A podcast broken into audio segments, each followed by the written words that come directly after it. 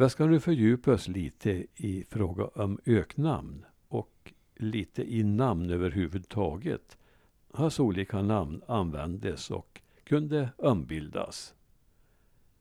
Jag skrev en artikel om det här för Värmlandsbygden publicerad den 29 januari 2009. Den rika förekomsten av öknamn, åtminstone i norra Värmland, kan den möjligen bero på att alla namn var så lika förr. Bara i min egen släktdatabas finns 31 personer med namnet Halvard och av dessa har åtta efternamnet Olsson. Kan det ha varit alla dessa likartade namn som drev fram behovet av särskiljning?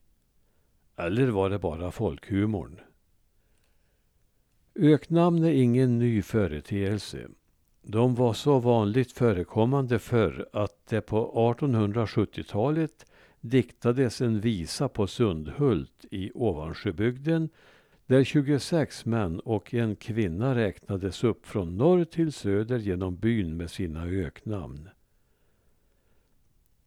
Denna ramsa har försetts med en enkel melodi och den till och med sjöngs i bygden. Och trubaduren Gunnar Jonsson, han har till och med sjungit in denna på skiva.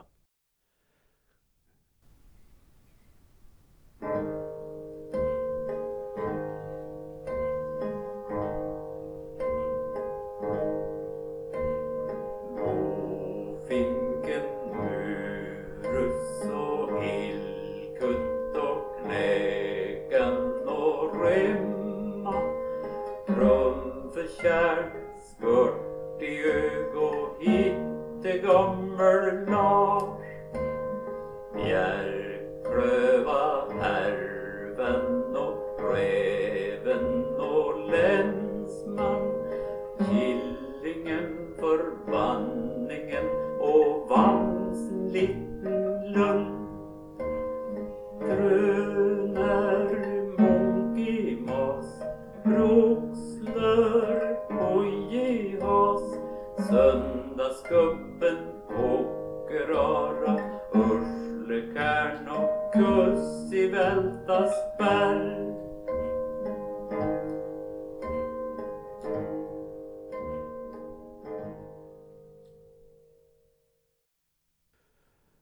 Ja, det var nog så säregna öknamn. Ofta kom öknamnet från något särmärke i utseendet eller åthävorna. Och det kunde också ha sitt ursprung i något uttryck personen i fråga gärna upprepade i sitt tal. Listan med öknamn kan göras hur lång som helst. Slammen, Yxa, Skuggan, Puken, Pucken, Snabblöparen, Kungen, Köttra och Tussen är några.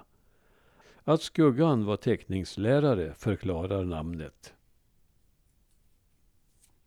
För att skilja personen i fråga från andra med samma namn lades ibland till ett prefix som förklarade yrkestillhörigheten.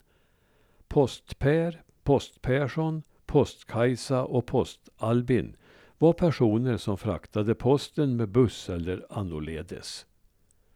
Målar Marcus sysslade med målning. Klockarkare var ingen klockare men kom från en släkt med klockare. Liksom Stöthanna från Stötgården hade en kyrkstöt som anfader. Krogubben däremot drev en krog och affärsrörelse på Stranna. Färg-Siri skötte inte färjan men fick namnet i arv efter fadern, färgbonden Olof Olsson. I Likenäs fanns såväl en bokpär som en getmanne.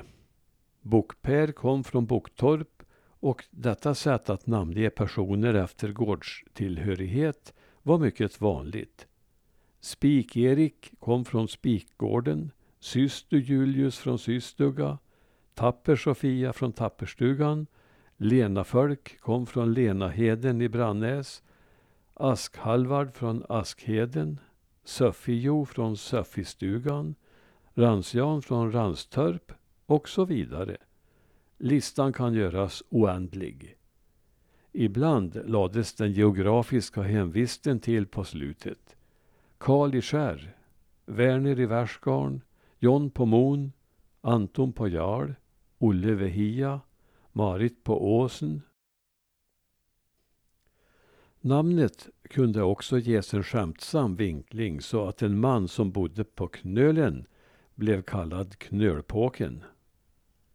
Ett annat vanligt sätt att identifiera folk var att benämna dem efter någon tidigare person i släkten.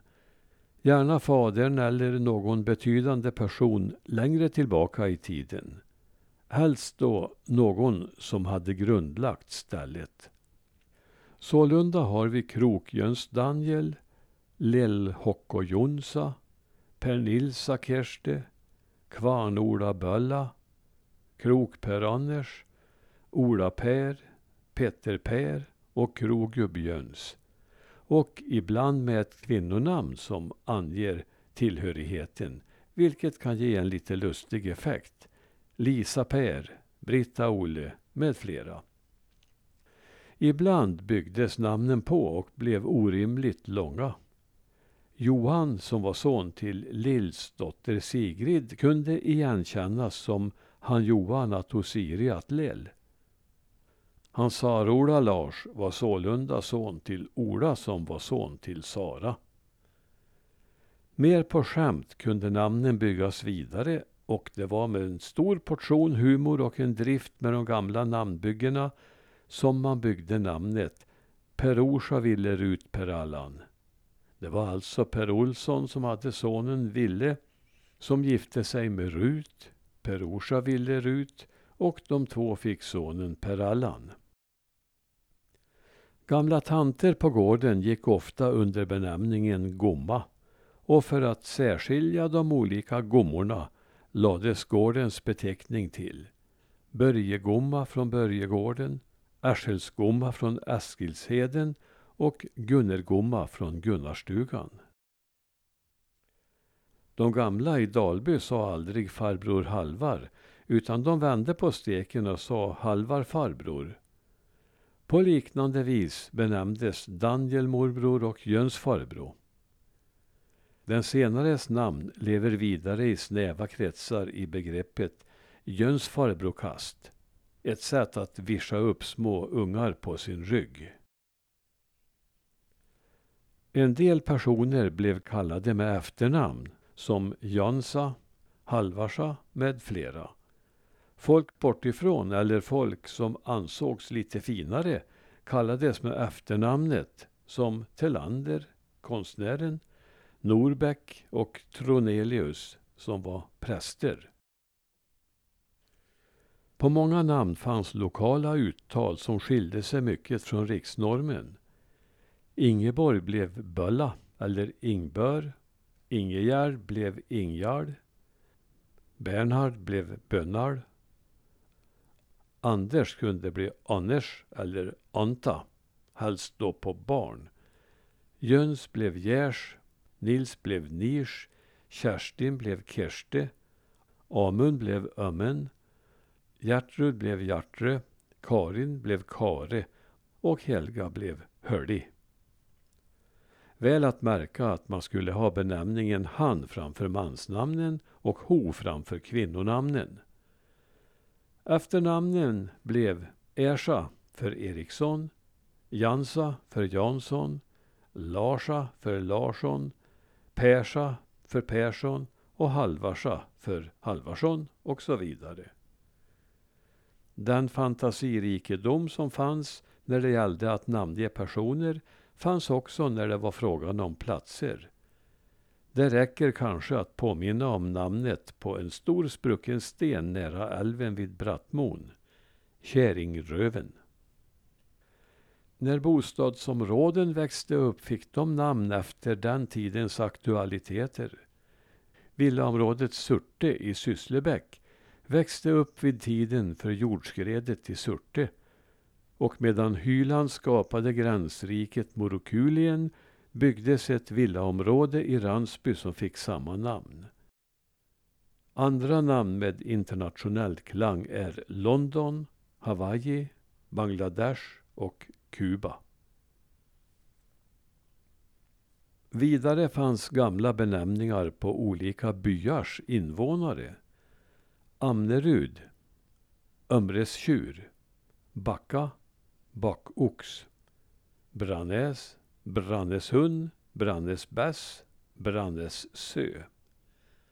Brattmon, Brattmärsifin, Gällsta, Gällstabock, Kvarnmon, Kvarnmokatt, Kärrbackstrand, Strandfik, Likenäs, Likenäsgast, Långav, Långavölp, Möre, Mör.